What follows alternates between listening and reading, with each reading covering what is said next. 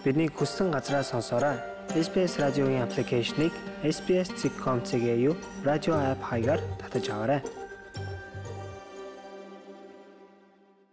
Өөрийн бизнесээ эхлүүлж шинэ ажил эхлэх нь сэтгэл хөдлөм сайхамж тийм ч амар ажил биш ээ. Ялангуяа Австралид. Гэхдээ зорьсон хүнд хүрэхгүй оргил гэж байхгүй. Тиймээс яаж илүү хялбар дөхөм аргаар бизнесээ эхлүүлэх талаар энэ удаагийн оршин суух гутж болонгаар ярилцах болно. SBS Монгол хэлээр бидний мэдрэлгийг Facebook сошиал хуудасаар бусдаа хуваалцаарай. Хэрвээ өөрийн жижиг бизнесээ эхлүүлэхээр шийдсэн бол юуны өмнө өөрийгөө бизнес эрхлэх эрхтэй эсгээ шалгаж үзээрэй. Австралийн засгийн газраас өмнө нь гэмт хэрэгт холбогдож байсан эсвэл төлбөрийн чадваргүйг нь нотолсон тэр дагуу ямар нэгэн нэхэмжлэл гаргаж байсан хүмүүст бизнес эхлүүлэхийг зөвшөөрдөг юм байна. Хэрвээ тийм биш бол Australian Securities and Investment Commission буюу Австралийн үнэт цаас хөрөнгө оруулалтын хороонд нэрээ бүртгүүлснээр эхний алхмаа хийлээ гэж үзнэ. Жижиг бизнес эхлүүлэхийн тухайд бид Мельбурнд амьдардаг Blue Rock гэдэг фермийн CEO Bruce McFarlane гэдэг хүнтэй ярилцсан юм а. Түүний баг шинээр бизнес эхлүүлж байгаа хүмүүс санхүүгийн болон тооцоо хийх бусад хэрэгтэй зөвлөгөө өгдөг юм байна.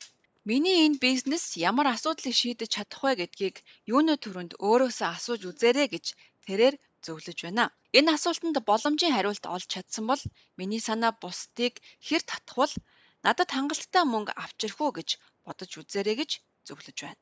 The starting point is what's the vision for the business?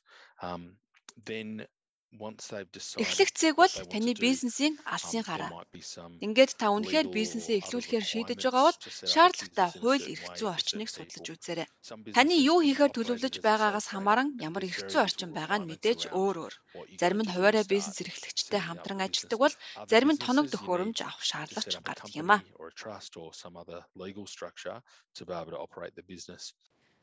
Бизнес эрхлэгчийн хувьд танд одоо таны худалдан авагч хинбэ гэдгээ судлахын хажуугаар бизнесээ хөгжүүлэх их усврээ босгох хэрэгтэй болно.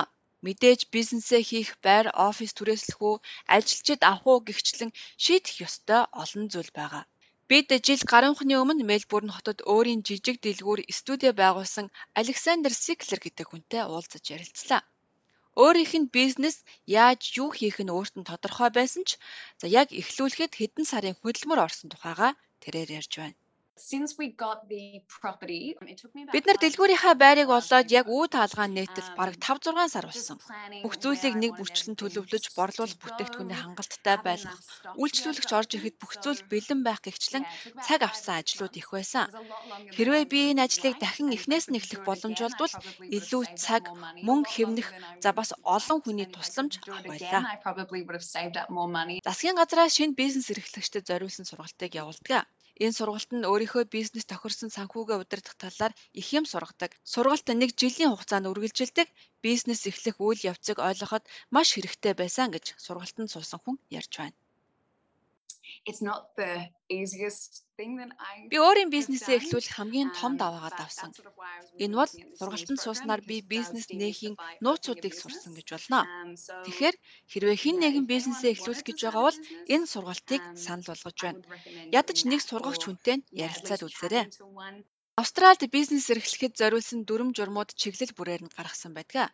Энэ бүгдийг дагаж мөрдөхөд амаргүй учраас хуульчаас тусламж авах нь зүйтэй гэж зөвлөмөр байна. Өөрийн бизнесээ эхлүүлэхэд амаргүй. Танд сайн санаа байлаач түүнийгээ газарт буулгаж өөрийн нөөцөө удирдах нь амаргүй даваа байх болно. Бид Рахур Кумар гэдэг шинэ бизнес эхлүүлж байгаа хүмүүст хуулийн зөвлөгөө өгдөг хүнтэй уулзаж ярилцлаа. Тэрээр одооны гарааны бизнесүүд инновацийн санаанууд технологид суурилсан байгааг онцолж байсан юм а.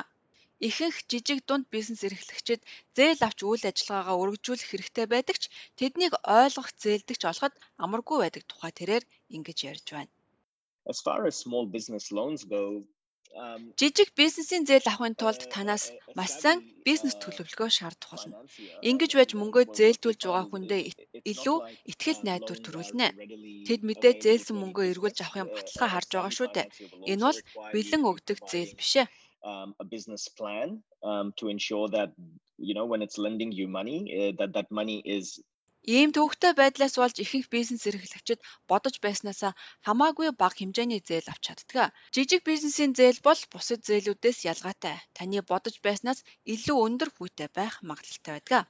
Энэ удаагийн оршин суух хөтөч булангаар жижиг бизнес эхлүүлэх эхний зарим алхмуудыг танилцууллаа. Та энд дуртагдсан бизнесээ бүртгүүлэх байгууллага, засгийн газраас шинэ бизнес эрхлэгчдэд зориулсан сургалт болон бусад хэрэгтэй линкүүдийг нэвтрүүлгийн танилцуулга хэсгээс аваарай. Хөтөлбөрийнхөө төгсгөл зарим мэдээллийг хүргэе. Жижиг бизнесийн зээлийн санал маш их байдаг ч та авахаасаа өмнө ямар нэгэн далд хураамж байгаа эсхийг судлаж, хүсэлт гаргах эсвэл хүлээж авахаасаа өмнө бичиг баримтаа сайдар бэлдээрэй. Австралийн гэр бүлийн бизнесүүд нийт бизнесийн бараг 70%-ийг эзэлдэг бөгөөд хүн амын талаас илүү хувийг нь ажилуулдаг байна. Жижиг бизнесүүд Австралийн дотоодын нийт бүтээгдэхүүний бараг 35%, ажиллах хүчний 44%-ийг бүрдүүлдэг. Австрали улсад амьдарч эхлэх гэж байна уу? Хэрэгтэй мэдээллийг SBS.com.cg юу урагшаа зураас Mongolian хуудасаас хүлээн авах нь.